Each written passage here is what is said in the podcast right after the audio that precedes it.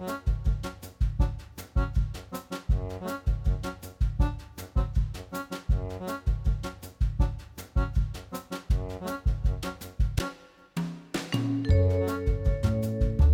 og sæl, velkomin í mannlega þáttin. Í dag er þriðju dagur, það er 20. 28. november. Já, 33 dagar eftir af árinu. Já, það er nú ekki mikið. Það er nú ekki mikið og þeir eru eftir að fljúa hjá. Uh, en uh, í dag ætlum við, við heyr, heyrum auðvitað stöðugt fréttir af afleiðingum snjaltækja og samfélagsmiðla á okkur og ekki kannski síst á yngstu kynnslóðunar sem þekk ekki annan veruleika en að þessi tæki eru allstaðar í seilingarfjallagð og allir eru alltaf sítengdir við netið. Þetta verður auðvitað haft áhrif á til dæmis skólahald og, og því verður á, áhugavert að kynna staðins nú grunnskólanum sem er í Hafnafyrði sem leggur mikla áherslu á hilsu og núveru.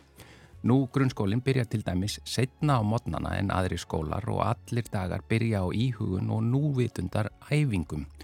Og við ætlum bara að fá uh, nefnanda úr tíundabekk, Dag Björgun Jónsson og Kristján Ómar Björnsson, hilsustjóra og eiganda skólans til að segja okkur aðeins meira frá þessu hér á eftir.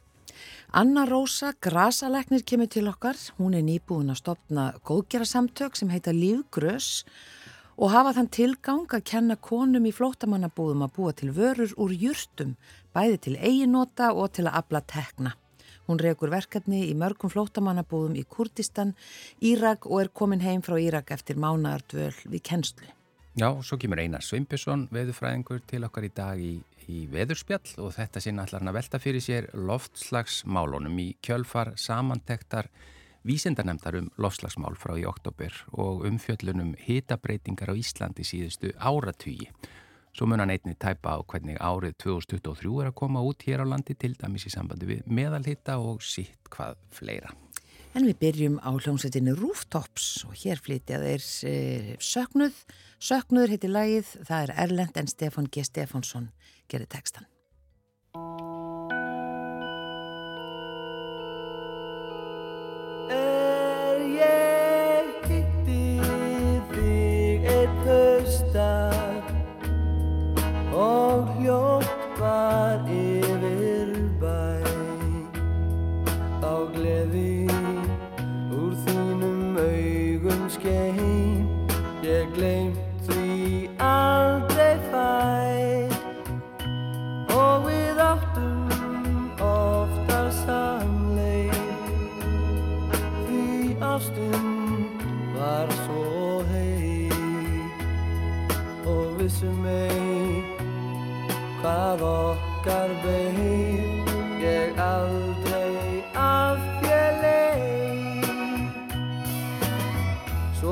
Sá dagur sem sárnaði mér. Svo stund þá brást ég þér. Ástin mín ein alltaf mun ég sakna þín.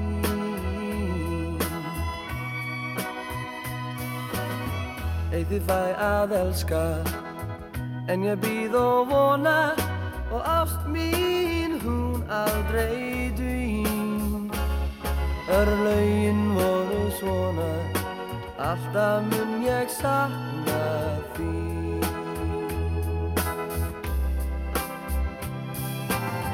Sitt einn og hugsa Í draumi þeirra daga Og ást mín er heitur þín Þannig fór svo saga Alltaf mun ég sakna þín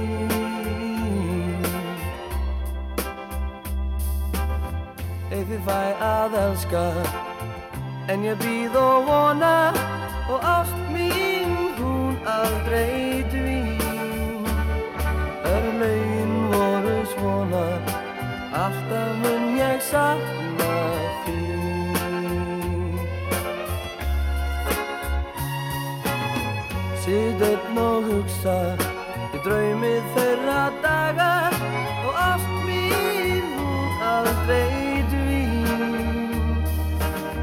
Þannig fór svo saga.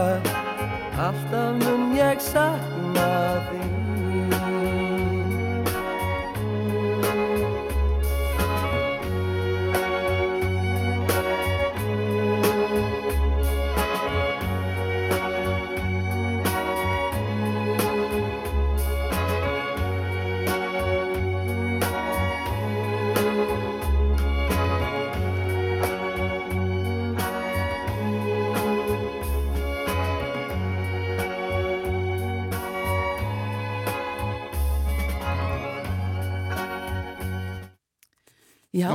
endaði snöggótt. Já, svolítið bara einmitt. Þe- Þetta var sem sé hljómsveitin Rooftops eins og við sögum hér undan og lag sem heitir Söknuður, Erlend lag og textin eftir Stefán G. Stefánsson og e, það er einmitt minnst uh, dálítið á Rooftops hljómsveitina í þessari nýju bók Sigurðar Helgasonar sem heitir Vesturbærin en uh, þessi hljómsveit svona verist hafa verið stopnuð þar og átt svona heima þar í upphafi.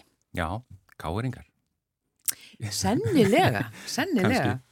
Já, uh, en uh, það er að segja, nú grunnskólinn, hann er ekki í Vesturbænum, hann er í Hafnafyrðinum og við ætlum aðeins að spjalla hérna og kynnast eh, starfsemi hans hér á næstu mínútum. Hingaði komin Kristján Ómar Björnsson, hilsustjóri núskólans og eigandi, uh, nú grunnskólans heitir hann það ekki? Það heitir bara nú, Nú, ja, hann heitir bara nú, ekkert annað. já.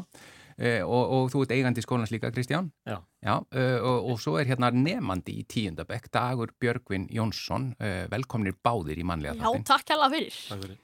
Sko, að því við auðvitað höfum fjallað mikið um það, það hefur mikið verið fjallað um það út um allt, það er bara afleiðingar uh, nútímans, það er að segja bara snjalltækin og netið og samfélagsmiðlar og það er fylgir því alls konar, alls konar afleiðingar, kvíði og annað og eh, þetta hefur sett mikið strik í uh, skólahald og ég veit að allir skólar eru á einhvern hátt að reyna að, að að finna leiðir í, það er verið að banna síma í hinnum og þessum skólum og annars líkt, eh, en þið í, í nú eru með, segðu okkur aðeins frá, bara byrjum á því, þetta, þetta er hvað, átta ára gammal skóli? Já, við erum á 8. starfsarun okkar, Já, við erum úlingadeldar grunnskóli já, með áherslu á íþróttir og, og vendinám.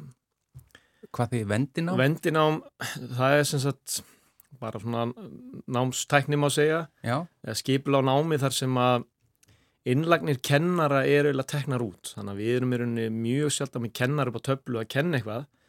Heldur er sá tími tekin út og búið að snara því bara yfir á myndband, útskynninga, vídeo af því atrið sem að kennarinn væri að útskynna upp á töflu. já, Og nefndurinn tekur inn bara á sínum tíma og sínum hraða og við getum þá með, þess að vera með tvæ, þrjár mismunandi útskýringar á sama efnisatriði sem er kannski útskýra á dálítið ólíkan hátt sem að henda þá fólki sem að skilur hlutina á ólíka vegu mm, á ólíkan hátt. Og þannig er bara hver og einn á svona sinni veffer í náminu. Tími nýtis miklu betur orka kennarans nýtis miklu betur það er gríðalega orka sem fyrir það að er, er þá ekki kennari í að kennslustofu? kennarinn í kennslustofunni. En hver og nefndi er bara í sínu námi á sinni, sínu hraða. Já, og við reynda líka sko kennum þrjú fög í þrjár vikur og erum bara svona þrengja fókusuna þess á minna efni og færi fög í einu. Og í gegnum það þrjár vikur er bara hver og nefandi að fara sína leið af endamarkinu sem er það að klára ykkur ákveðna vinnu, undirbúa sig fyrir ykkur ákveðin prófi eða skilja ykkur um verkefnum og Hva- hvaðan í venjurinni kemur- kennslustund er þá bara nefandin að sko velja nánast hvaða fag hann er í hverju stundu. Já, og, og hlusta á þau kennsluvídeó sem að hann til þess að þurfa að hlusta á til þess að leysa næsta verkefni. En kennarinn í stofunni er bara til staða til þess að hoppa á milli, það er náttúrulega að vera mjög sveigjanlegur. Mhm. þannig að þetta er ekki gert á forsöndu kennarans eins og almenna kerfið er. Það er unni kennara miðað umhverfi. Þannig að við reynum að stilla öllu upp sem nefnda miður, hvað hendar nefndanum best. En, og hvað, sko, hvaðan koma þessar hugmyndir og hvaðan eru fyrirmyndir og, og Það eru í rauninni samtíningur hérna og þaðan. En varandi vendinámi þá sótt ég nú mikið að því í, í svona vöggu vendináms á Íslandi sem er keilur út á Reykjanesi Já, þeirra stuðstu þetta í mörg ár, ég kendi þar sem stundakennar í þó nokkur ár Já. og í rauninni tek þess og var sjálfur nefandi upphálega þar fó, þar og fór í gegnum svona prógram og sá ljósi þar Mm. Eitt af því sem að vakti áhuga minn að þið, þið byrjuð til dæmis skóladaginn setna en bara flestir skólar er það ekki? Jú, jú, en, en- en þetta atrið sem að verður til þegar maður setjur spór nefndans og hugsaður, herru, við erum íþrótt á úlinga Mhm. hvað eru þeir að gera? Jú, þeir eru að æfa mikið, þeir eru að stækka og þroskast mikið Og Eh, það eru flestir nefnendur í skólanum eru með einhverja já, já, íþrótta það er, ástundum með. það er að- mikil áherslu af íþróttir Mm. og reynir forsenda fyrir því að vera í skólanum er að vera sinna íþrótt Já, það er ekki að bynda að vera ykkur afriks íþróttamæða þó sem er mikið að slíkum en það þarf að sinna íþróttum og skuldbundist til, til þess að vera í, í íþrótt samlega náminu og þegar við setjum okkur í spór þessa krakka að það var náttúrulega ekki bara þetta vöxturinn og, og íþróttæfingar ég vil fram á kvöld sem er að slátt um svefnin, það er líka annað eins og komst inn á henni byrjun, mm. skjárin og alls konar áreiti já, já. og þá náttúrulega segir þessi sjálft að það að byrja skóladaginn í, í myrkri rífa krakkan upp í myrkri og íta inn í skólastofi myrkri sem hann kannski var ekki sérstaklega viljið að fara inn í uppalega að þá er ekki rétta hormónaframlýslega í gangi og hérna serotoninið, hérna vökuhormónið ekki komið í gang Þannig að við erum bara já, takið ykkar að því að verið talað um að leiðir þetta klukkuna, að við séum á raungum stað í, í, í því.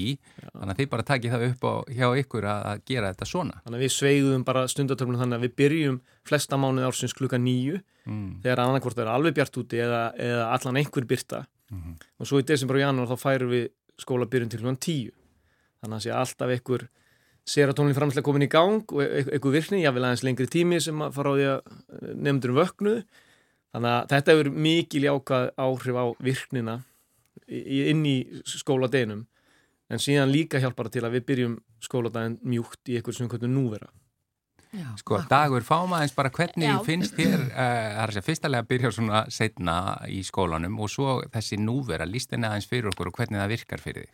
Úf, uh, já, hérna, sem sagt, við byrjum núna klukkan tíu, það Mm. byrjaði bara hérna á mánudeginum í gær, um, hérna, og hérna, mér finnst það mjög þægilegt því að ég elska að hérna, koma í skólan með sólarjósið og hérna, ekki vera bara í dimmunni, en hérna, jú, þetta er mjög hérna, mikilvægt vegna við þurfum að framlega hormón í líkamann okkar og hérna, jú, uh, svo líka er ég klukkan sem sagt, hérna, við mætum klukkan tíu í skólan en ég eh, persónulega fer núna í ræktina á morgnana út af því að skólinn byrja klukkan tíu og í skólanum mínum um, þau eru svona framhúskanandi út af því að hérna, uh, þau eru með rækt í skólanum um, og það er svona, svona rækt sem við meðum bara fara í Er, er það þá fyrir skólan eða er það fyrsti hlutin af skóladegi? Sko, þetta er ekki, þetta er ekki þú þar- þarft að fara á morgunina í rættina. Þetta er sem sagt, um, þetta er á hverjum fimmtudegi Mm er svona, hérna, uh, sem sagt, Kristján Ómar, hann er með hérna, tíma um, í rækt hérna, á hverjum fimmtudegi en við, uh, ég fer hérna, bara kem klukkan nýju, tekum mér smá æfingu og hérna, fer bara í styrti og fer svo í sk- skóladaginn. Já, þannig að þú ert alveg tilbúin þarna. Já. En svona hvernig hendar að þér, já til dæmis uh, þetta að, að ráða sjálfur alveg bara eigin ferð og þú bara horfir, er það ekki á kennaran í tölvunuðinni Já, og um, lærir bara svona á þínum hraða, hvernig svona hendar þetta? Þetta hendar mér bara mjög vel. Ég var í öðru í þessu skóla áður en ég kom, hérna, ég var í halvan áttundabæk fyrst eh, en svo kom ég nú og það gjör breytti mér bara sjálfum og hérna, ég veit að fjölskyldum mín veit það og hefur séð það að ég hef breytt mikið þegar ég kom í skólan. Um, en sko, hérna, mér finnst það ógeðslega þægilegt að vera með sagt, um, að vinna í tölvum. Um, og bæði hérna ekki einhver kennari að segja heyru, núna ætlum við að gera þetta dæmi og hérna, sína það på tölvu og, neina, töflu og hérna, þetta ég freka bara, heyru, þú verður að skila þessu verkefni eh, á meðgudeginum og hérna, þessu verkefni á föstudeginum og þetta verður bara að gera í tölvunni sjálfur og þú sérð bara um þetta algjörlega En þú fær hjálp þegar þú þart. Já, auðvitað, þegar hana, það er alltaf kennari í stofunni um, sem að, og eða með vant- vantar hjálp, þá kemur kennarinn og aðstofa mig. Uh, en svo eru líka hjálpar svona, hérna, vídeo sem við erum með uh, og þar eru við, hérna, þar er líka svona vídeo sem að, hérna, við getum hérna, lært með líka. En svo þetta með núveru eða núvitund eða það byrja allir skóladagar á einhverju slíku. Já, það svo sannlega. Um, hérna, það er sem sagt, hérna, á hverju mótni er bara, hérna, til dæmis þegar ég mæti í skólan þá er ég ekki alveg með réttan hug, en að þá á hverju Alveg mótni, vaknaður. já, vaknaðir og tala, svo þegar ég kem og hitt alla vinum mína, tala við þá, þá er hausinn minn bara eitthvað staðar allt, allt, allt annan staðar, sko. Þannig, hérna, sem sagt, við fyrir bara í stofuna, um, tegum okkur dínu um, og hérna, þá kemur hljóð eh, sem að Kristjánum er búin að búa til og hérna það er sem sagt svona núvitund eða núvera sem Já. við kallum það um, og þar er hérna gert alls konar hérna sem sagt einmitt núna eru að gera happy hips uh, og líka svona hérna hugleiðslu hérna uh, sem sagt núveri. Um, og þetta finnst mér alveg rosalega þægileg um, út af því að ég er ekki tilbúin á morgunna að fara beint í námið frekar að, hérna, frekar að fara í núveri og ein, einbitaða mér á sjálfu mér um, og hérna sem sagt, og það er miklu þægilega á það þá get ég farið í námið og verðt miklu einbitari í Já. því þannig að þetta er mjög mikilvægt og hérna, ég er að vinna í því uh, að, að hérna, reyna að koma núveri í alla skóla Já, Já. af hverju? Af hverju? Um, eins og ég segi, þetta er bara mjög mikilvægt fyrir bæði erna veljan og einbyttingu nefndans. Já, þú finnur mikinn mun. Mikinn mun og þetta hef ég bara, ég get sagt þér það á þetta, ég hef búin að vera í 2,5 ár núna í skólanum og enna, þetta hefur ekki verið breytt bara lífið minni sko. Já. Og þau krakkandi setja sér líka það ekki markmið fyrir hver dag og eitthvað slíkt, Kristján? Jó, svona uppskriftina núveru er svona, er þrýþætt, þetta er svona 30 minna kennslustund sem við byrjum alla daga á þar sem að við byrjum á einhver, einhver formi af andleiri núlstillingu eins og við köllum það sem er svona tæknilega eða vínslega séð svona ólíkar leiðir að því að bara virkja seftöðakerfið, ná fram bara slökun og ró. Það getur verið gegnum núvitundræðingar eða leita hugleðslu eða einhverja íhugun eða bænir jafnvel eða ólíkt form til þess að bara ná svona að kjarna síða hvaða frasa menn nota yfir það sko Já, sem er, er bara þessi upplifun af því að seftöðakerfið sé orðið virt. Og síðan gerum við eitthvað líkamlegan þátt, eitthvað, eitthvað líkamlega núlstillingu það getur verið jókarútínur, það getur verið styrtaræfingar liðilega þjálfur nutt Mm. og síðan er síðasti þátturinn að það eru nefnendur að fara yfir gildi sín og markmiðin sín skrifinu sjálfstalsetningar, við erum með svona möndrur í skólanum eins og í dagur góðu dagur og ég klára hluti ég er íþróttamæður, þetta skrifaðu í bókina sína alveg hundruðum skipta yfir, yfir þetta þryggja ára tímabil hjá okkur. Og enda síðan að því að setja sér vinnumarkmið fyrir daginn og þá er svona, e, e, bara er unni einfalt Excel-skjál svona formatir Excel-skjál sem að nefnandi fer inn í daginn og, og setur sér, ég ætla að klára verkefni 5 og 6 í ennsku og blæsju 27-30 starfræði. Það er vinnumarkmið mitt. Mm. Þannig að bara svona andli núlstilling, líkali núlstilling, minna sig á hver maður er og svo hver maður er að fara, hver er verkefni dagsins og síðan byrja vinnuna. þetta hljómar Komast mjög allir í þennan skóla?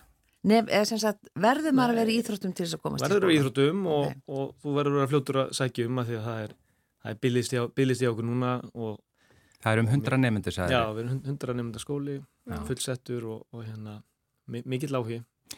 Eh, ég, við komumst ekki lengri í byli en þetta er mjög áhugavert að heyra að Dagur Björgvin og, og Kristján Ómar þakka ykkur innlega fyrir komuna í mannlega þáttin Takk og fyrir að kynna okkur fyrir þessu, þessari stefnu í nú Takk fyrir, grunnskólan.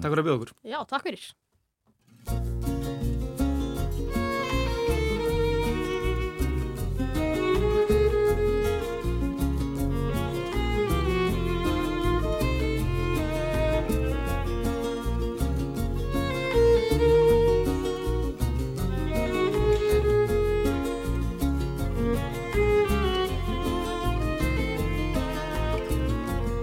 Minha filho macho vinha com sede Cabo abre boca pra vou cantar. Se vou cantar ou se vou tocar Mulher bonita, tá da buna John Minha filho macho vinha com sede Cabo abre boca pra vou cantar. Se vou cantar ou se vou tocar Mulher bonita, tá da buna Me um condenado três vezes Minha garganta que matando minha violão que traçambum, boca de povo minha destino. Me um condenado três vezes, minha garganta que matando, minha violão que traçambum, boca de povo minha destino.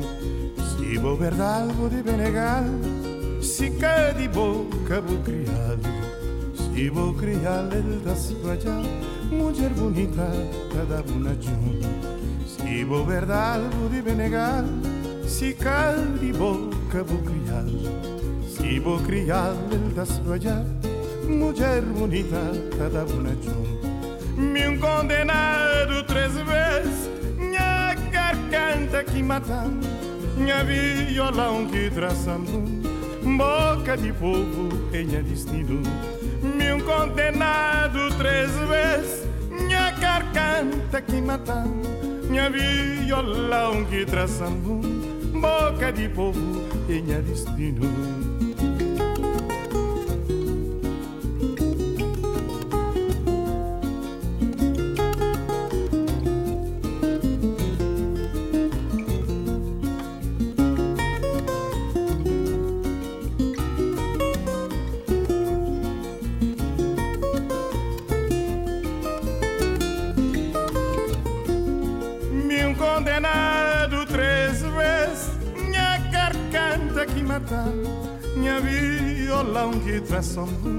Boca de povo tenha destino. Meu condenado três vezes. Minha garganta que mata. Minha violão que traz Boca de povo tenha destino. Minha filho macho vinha com sede Cabo abre boca para cantar se vou cantar ou se vou tocar Mulher bonita, cada bonadinho Governalvo de Benegal, se de boca vou criar, se vou criar da suaja, mulher bonita, cada uma de um. Me condenado três vezes, minha garganta que matar, minha viola um que traçam, boca de povo tem destino. Me condenado três vezes, minha garganta que matar minha viola onde traçando, boca de povo tenha destino. Me condenado três vezes, minha garganta que matar, minha viola onde traçando, boca de povo tenha destino.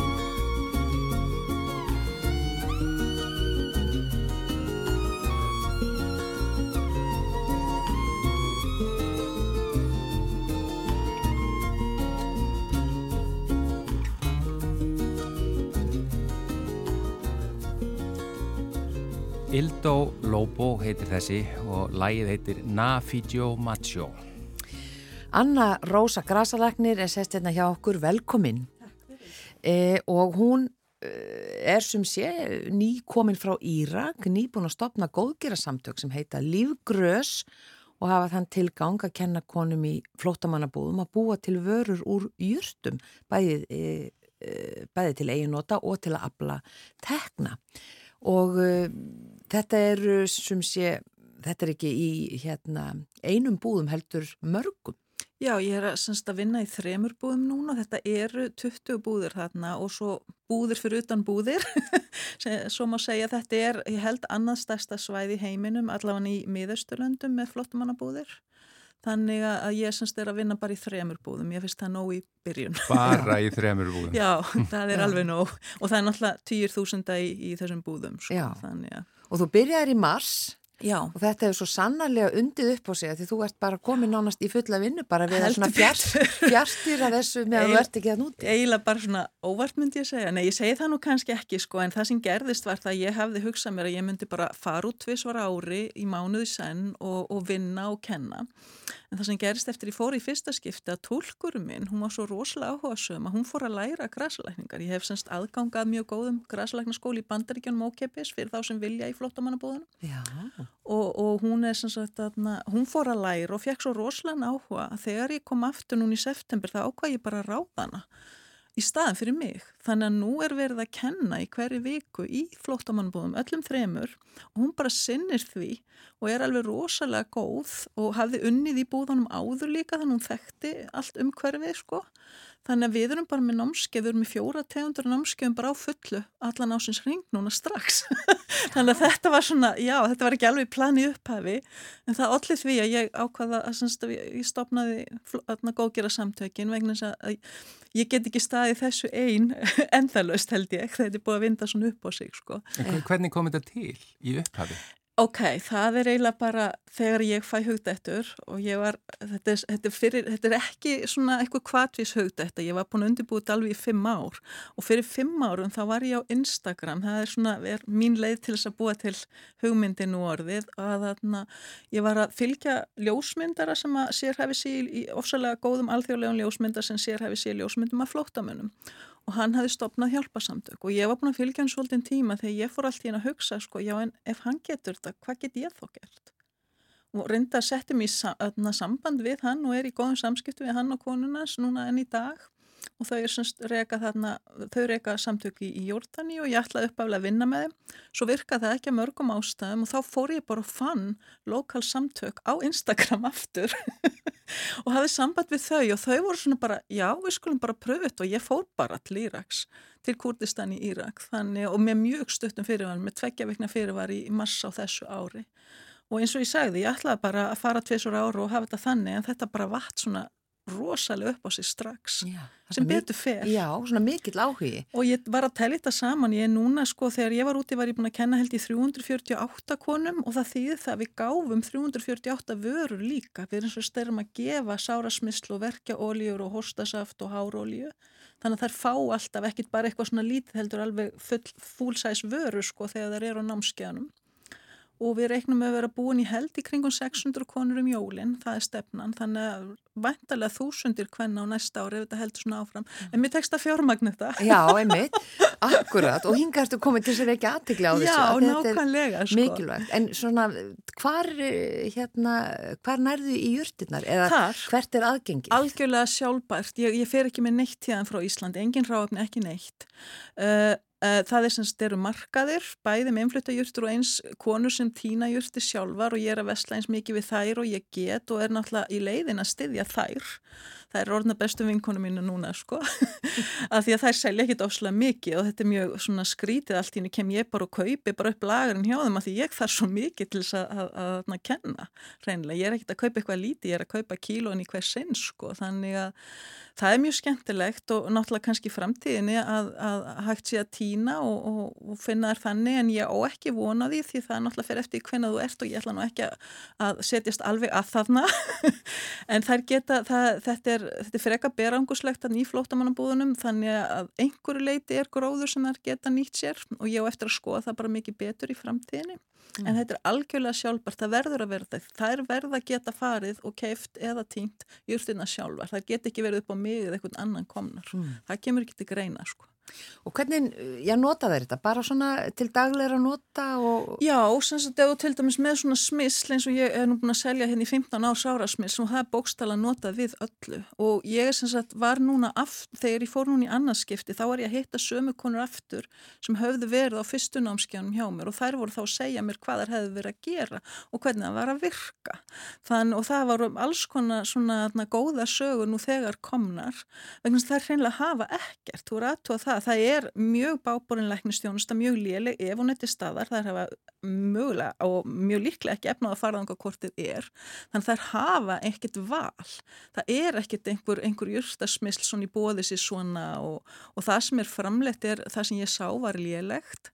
Þannig að ég sá svona aðeins vöru, það er ekkert einhver rosa hefð þarna fyrir einhverju svona. Já og allavega ekki einhvern svona gæðavörum og ég er náttúrulega framleið bara gæðavörur, ég er bara er að kenna þeim, ég er að kenna þeim fleiri námski heldur en ég hef kent á Íslandi það finnst mér fyrir ekki að fyndið sko, þannig að og ég er náttúrulega bara að kenna sömu gæði og, og hér, það er ekkit að fá er ekkit, ég er ekkit að slá af eitt eða neitt sko mm. En þetta er auðvelt að búa þetta til það sem ég er að kenna. Það geta allir lært þetta. Já. Þetta er ekki flókið og, og, og svo er náttúrulega hugmyndin og það er þegar komað að stað að þær geti stopna fyrirtæki. Það eru fimm konur núna í startólunum, eru byrjar að framlega, aðeins byrjar að selja og ég, er, ég var nú bara í gæri á Instagram að leiðbenna einna, hún gæti nú ekki gert þetta svona. Hún er það að gera þetta eins eginn. Þannig, þannig að það er heili tilgangur en því þær hafa enga möguleika. Því fólk heldur að þessar konur sé bara á mála hjá einhvern hjálpastofn með ríkinu en þær hafa ekkert. Ríkið gefur þeim ekki neitt. Það eru yngar hjálpastofnanir að gefa þeim peninga. Það er búið í tjöldum, það er kallt, það komið vetur. Þannig við erum að tala um þær hafa bókstæli ekkert. Ef það er ekki mann sem að sumar þeir eiga, flestir er náttúrulega dánir út af stríðum og svo framvegis. Ef það er eiga ekkert, þá er það upp á nákvæmna konur eða fjölskylda algjörlega komnar. Já. bara með mat og allt. Engin stuðningur? Nei, það er engin stuðningur eins og fólk heldur. Ég held það fyrst að ég kom líka byrju er ekki hjálpastofnur að gefa þeim að, og ég ítrekka spurð út í þetta og ég varð ekki vörfið, það eru ímsar hjálpastofnur eins og ég starfa með lokalsamtökum þarna sem er að gera mjög góða hluti en það er ekki að gefa þeim peninga fyrir mat. Það eru kannski með líkansræktanámskið eða jóka eða eitthvað slikt skilur sem er mjög gott. En En þetta geta selt síðan, að, að geta sett á stopn eitthvað smá yðina skiptir alveg óbáslega miklu máli og fyrir utan það hafa bara eitthvað við að vera. Mm. Og þetta eru konur hvað með þá eh, mörg börn? Og... Já, já, já, já, og þetta eru í þessum, í einum af búðunum til dæmis eh, eru konur frá Sýrland úr stríðinu þar og í öðrum búðun sem ég er að kenna eru jasítar Það var sem sagt þjóðamorð framið á jasítum fyrir nýju árum, það er ekki lengra síðan af ISIS, ég man nú ekki íslenskuna fyrir ISIS mm. Uh, og margar af þessum konum voru til dæmis kynlifsambáttir uh, og hafa gengið gegnum alveg ofbóslega hluti sem okkur langar ekki eins og að vita um og það eru þessar konur sem ég er að kenna sem eru þarna í flótamannum og þær get ekki snúð aftur. Þetta er semst bæði innlendir flótamenn frá Írak, Jasítis og svo frá Sýrlandi mm. Og enginn af þessum konum getur snúð aftur eða hefur einhverja, möguleika bara yfir höfuð. Þannig að þetta er bara það sem býður þeirra að vera áfram í þessum tjöldum. Já, já, algjörlega. Já. Það er ekki nokkuð spurning, sko. allavega það sem ég hef spurt út í að það er, virðist ekki vera nokkuð von með neitt annað. Mm. Þannig að þetta getur, eh, þetta getur bara hreinlega breytt lífið þeirra? Ég ætla að vona það. Já. Það er að segja mér að sé þegar ferða að gera bara það hafa smisl eða verkja ólíu. Ég myndi að búa í tjöldum og hafa engan hýta. Ég myndi að hvað verður verkja hreinlega völlu. Mm. Og það sem ég er að gera líka á námskinn, ég má ekki setja upp klínik eins og mér langar til náttúrulega, það er banna fyrir mig. Ég er ekki með leifi og reglu til þess, en það sem ég er að gera er að ég er að gefa þeim uppskriftir fyrir sjúkdóma líka, svona undir borði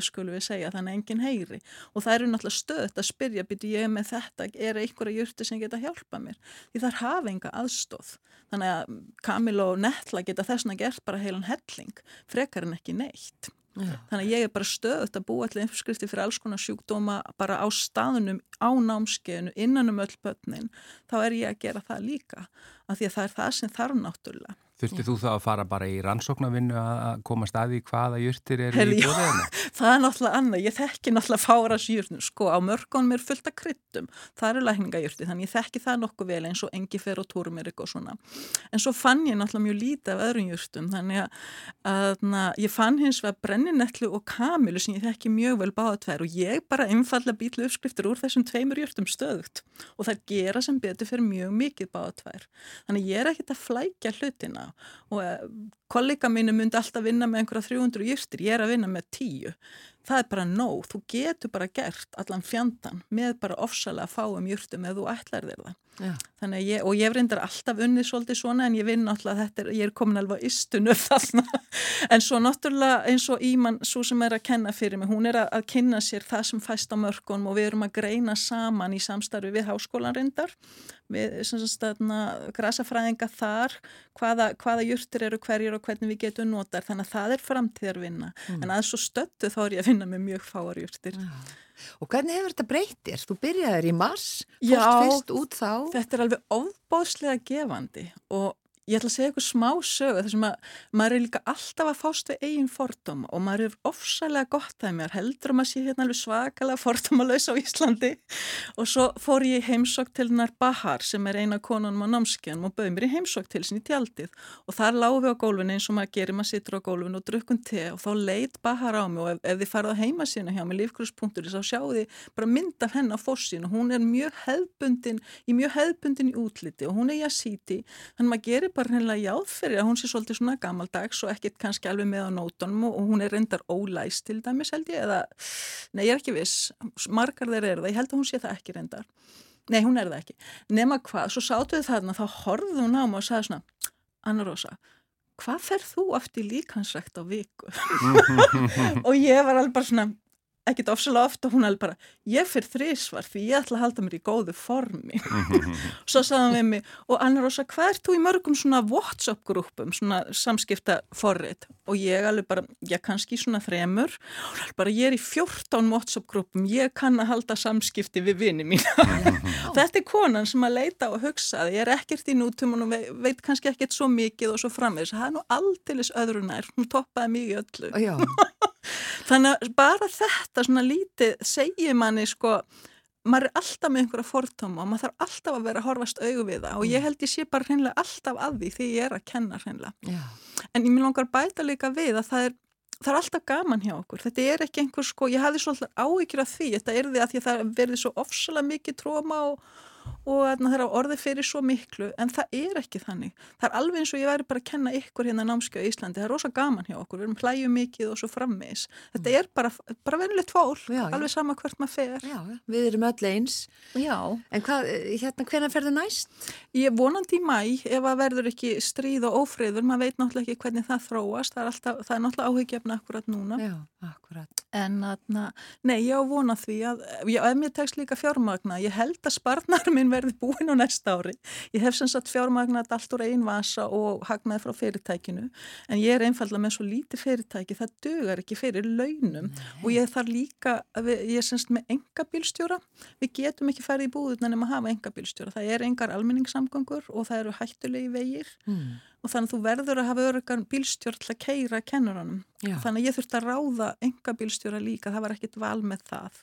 Þannig að nú er ég alltaf með tvo starfsmenn á launum sem ég þarf að geta borgað Já. og þannig að ég leita til landsmanna með að hjálpa mér. Já. Alveg bara ef þú ert aflögufær þó að sé bara ekki inn um eitthvað smá eða þú getur sett upp reglubundi spartnað eða eitthvað svoleiðis þá er það alveg afskapla vel þegi og ég lofaði líka, það fer beint til kvennana. Mm. Ég tek engin laun, það er engin yfirbygging hjá okkur, stjórnafundi fara fram í stofinu heima hjá mér, ég má ofslega góða stjórn með mig sem vinnur líka aðna náttúrulega launalaust. Já. Þannig að þetta er verkefni sem er alveg örugt og þú, ert ekki að ákjöra að fara í skrifstofkostnað. Og þeir sem vilja hjálpa það er þá líf grös.is, lífgrós.is Takk fyrir komuna Anna Rósa. Grasalæknir og bara gangið vel með þetta verkefni. Takk fyrir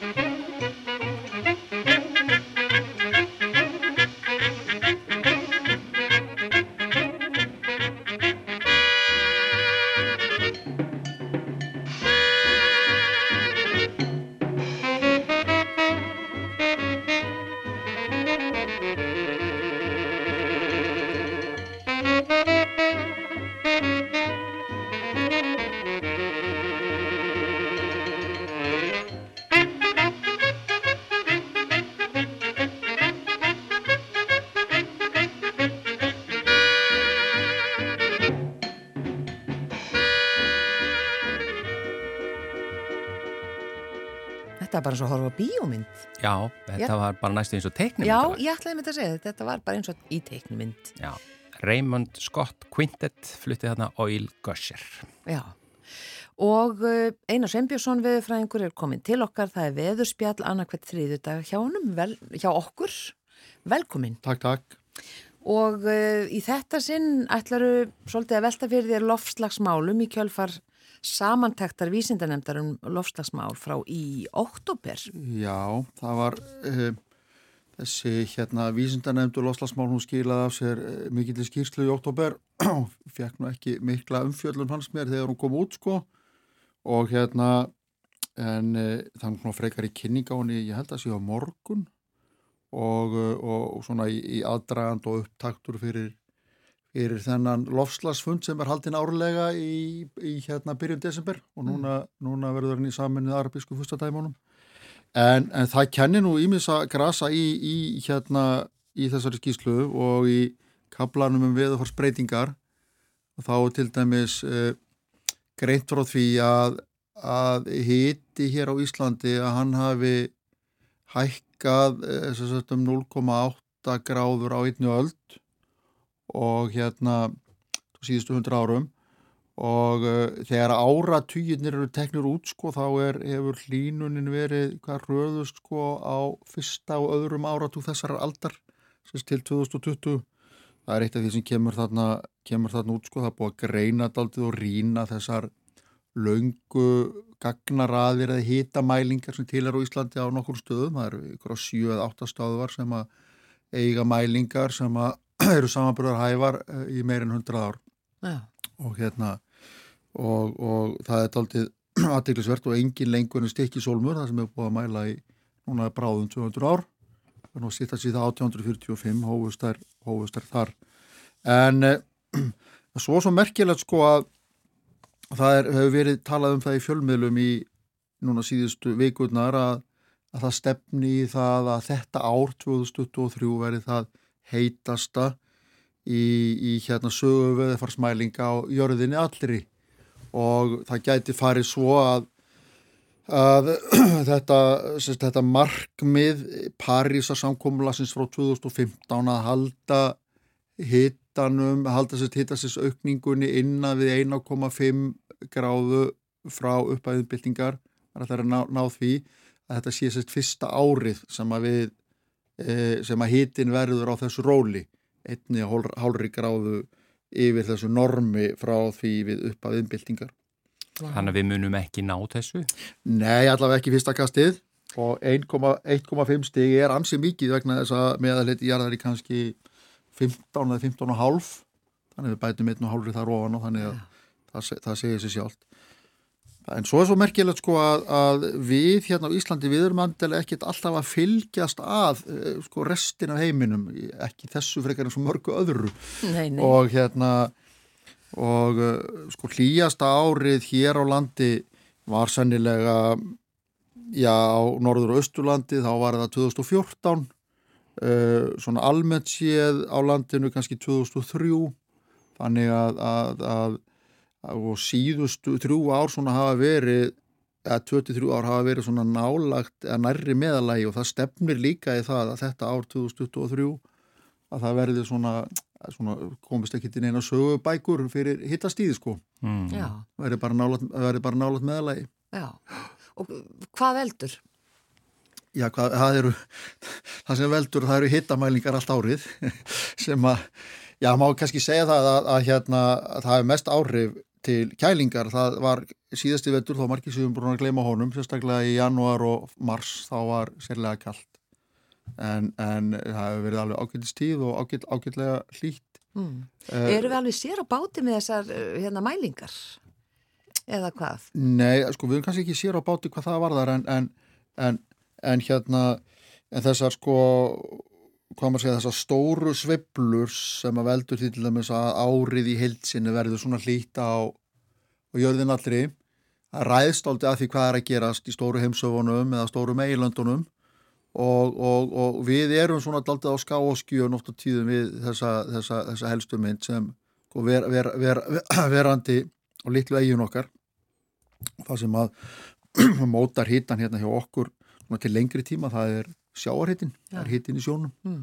og, og hvernig hann er og það hefur nú verið ágætlega hlýtt í sjónum hérna söður álandinu en frekar kallt hérna norður undan svona lengst af en svo eru það líka vindarnir, hvaða vindar eru ráðandi sem að skipta máli okkur hvort það er að blása vindar meira af hlýjum hafsvæðum eða köldum sem að hérna býr svo til meðalhitan og við verðum að sko að í þessu sambandi að greina vel á milli hvað er veður og hvað er loftslag.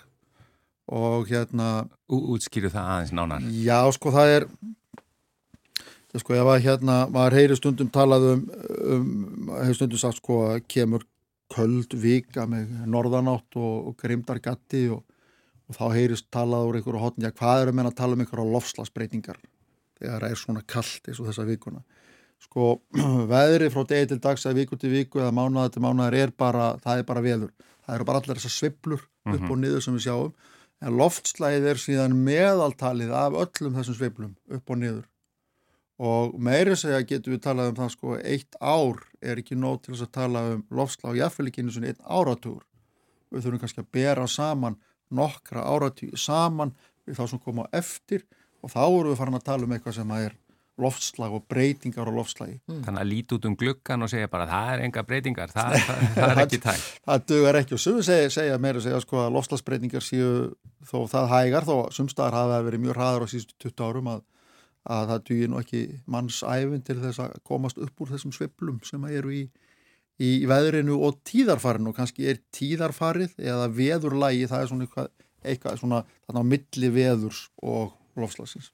Og það koma alltaf upp þessar rattir að er þetta ekki bara eðlilegar sveiblur, annarkort kuldaskeið eða hitaskeið og eitthvað slíkt en það er, e, ég menna, hvað segja Við höfum vísindin? séð þetta allt saman áður, segja sömur. Já, hva- hvað segir þú í því? Nei, í sjálfu sér sko, sveiflunar eru eðlilegar og þær eru alltaf stórkallarlegar, sérstaklega hér hjá okkur, Mm. hérna við Norður Allandshafið og við megum passa okkur að láta, láta, láta, hérna, láta þær ekki blekja okkur og sama hátt eigum við ekki að, að segja að verður hér einhver ægileg hittabilgi og sumurinn og ég finn einhver hitta með þetta, þetta séu afleiðingar loslagsbreytinga. Við verðum að horfa á þetta í, í, hérna, í, í starra samhengi. Og í, sjálfu sér sko þá sjáum við til dæmis tilneyingu sem hefur mikil áhrif á loftslægið hjá okkur og líka viður að það er það að, að hafís hefur minka hér norður á landinu og hafís komum allir síðasta hafís árið við guðurum kannski rétt munum það hérna voru 1979 og það hefur ekki orðið landfástur hafís sem orðið er á gerandi frá þeim tíma en, en var algengt hér áður fyrr og bara það að hafísin að hann hefur horfað lengra til norðurs og er fjærlandi það gerir það að verkum að norðanáttina hún er ekki eins köld og hann var áður og það leiðir til hlínunalofslags. Já, þá nú einhver hafis í fréttunum sá ég, hvað er það? Já, það er, Eitthvað það er, lítið? já, það er aldrei óvinnulegt ef maður, ef maður hérna svona hlý, lítur í kringum sig þessar vikurnar að það er mikill hafís uh, við Östu Grænland og búið, búin að vera í haust og það er líka á ská og skjön við uh, hlýjasta ár í sögu mælinga en, en, en hafísinn, hann er svo kötturna fyrir sinni reginleiðir, hann fyrir ekki bara eftir hittanum, heldur eru hafa afbreyðilegir vindar og kannski skilirði hér norður við Jan Mayen í, í haust, það sem hafi verið mikið um hægveri, þau hafi verið til staðar þannig að e, ferskur yfirbúrsjórun eða pólsjórun, hann hefur bara náða frjósa og þá, þá hérna fær hafísin meiri útbreyslu og ef til vill er hérna, heldur meiri líka í streymi norðan úr Ísafi, hérna inn í austur, austur Grænlands austur Grænlands ströymin ætlaði að segja en þetta er mjög áberandi að sjá sko að, að ísin hér okkar slóðum núna hér á milli Íslands og Grænlands hann er bara í meðaltala var hérna í gamla daga Já. en það getur nú verið fljótt að breytast ef að, ef að vindur snýst og verður uh, það sem maður kölluðu hagstaði fyrir hafísin í gamla daga, sem norðaustan og austanáttur sem heldur honu við Grænland og frá Ísland Já, já.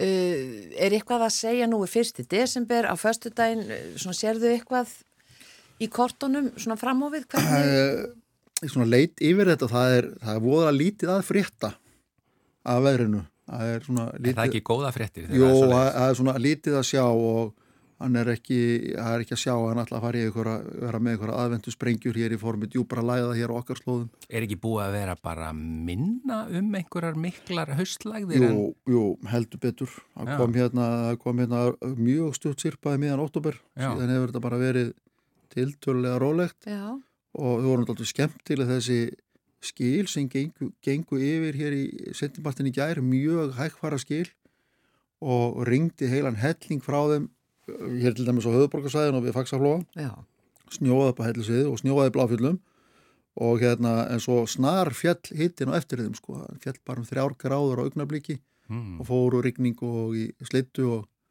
og það var mikill munur á, á veðri í, í það sem við kallum efri byggðum, efri hlut og kopa og svo Reykjavíkur, þar var, var, var bleitu snjór á meðan að, að í, í, í, í lágsveitunum þar var, var, var, var, var bara, var bara rigning og sem og söðunisum. Er allt og snemt að segja til um hvort það verði hvítjól eða ekki? Já, það er heldur snemt en þá að- að að- að segja til um það. En, en það er allavega, sko það er það er lítill snjór, það er snjólítið enn sem komið er og líka til fjalla og, og óvíða snjór í byggð eða ef það var bara nokkuð staðar og uh, það er ekki að sjá að verðinin veruleg breyting á því nema að það er útlitt fyrir einhverja norðan og norðaustanátt og þá er alltaf einhver jæljagangur allavega í útsveitum og annir sem fyrir norðan og austan. já, einmitt. En, en bara rétt til að loka þessu með lofslagsmálin og breytingarnar eh, að hérna við erum komin segiru nánast einu og halva gráðu upp sem átt að reyna að, að vera efri mörkin í út frá Parísar ástöfni. Já, við, við þurfum ennþá að brettu bermar og, og, og gera það sem við getum eða hvað? Já, við þurfum að gera það. Sko, samkvæmt Paris og samkómuleginu þá var okkur ætlað ásand í ESB, Londonum og Noregi að draga saman um 55%, losunni 55% miða við það sem var 2005 til ásins 2030. Uh, við erum búin að ná sko 12% sam, samdrætti frá 2005 og það var nú fyrst og fremst var það að gera sér í bankarunnu. Það er voðalega lítið að frétta af þessum málum á síðust árum og, og bara bara í samkvæmt bráðabyrratölum sem byrtist á vef umhverjastofnunan núna í, í haust sko að, að þá er, þá er þessi losun sem er í, á ábyrð Íslands bytni ábyrð stjórnvalda, þetta er aldrei markþætt, það er eitthvað að losun er ábyrð fyrirtækina sjálfra, menn fyrirtækin köpa sér heimildur og svo framvegis. En þá voru þessir geirar sem að skipta máli að þá voru fjórir þeirra sem voru upp, þar að segja að það var að aukast losunin, það var frá fiskimilsveðsmjöðum uh, ramagn og húsitun það var frá vegasamgöngum og jarðarmavirkjunum og uh, en það sem var örlítill samdráttur og það var í landbúnaði aðalega vegna fækkun og söðfjör og það var í fiskiskipum eða útgerðinni vegna þess útgerðinni kaupir ólíu æríkari mæli erlendis frá. Mögulega samdráttur það líka. Og síðan í kælimiðlum það sem er að verða að fasa út þessa þessa, þessa, þessa óungverðisvænu kælimiðla sem hafa verið en, en, en en okkur finnst svona heldur ganga hægt þessi árin í þessum samdrætti og, og brekka niður og við verður að vera ansi skorp ef við hefum að ná þessum markmiðum okkar til ásum 2030 en, en mér skilst að það sé heil hópur af íslendingum á leiðinni út til hérna út til hérna saminuðu arabisku fyrstadæmana til þess að leysa þessi máli næstu viku eða, eða hvað? Já, við verðum að krossa fingur. Já, við bara vonum það besta. Kæra þakkir, Einar Sveinbjörnsson, viðfræðingur Takk fyrir komina takk, á þetta fróðulega spjall Já, og uh, þættinum er bara lokið í dag. Við þakkum innilega fyrir samfélgdan og verðum hér auðvita aftur á sama tíma morgun. Verðið sæl.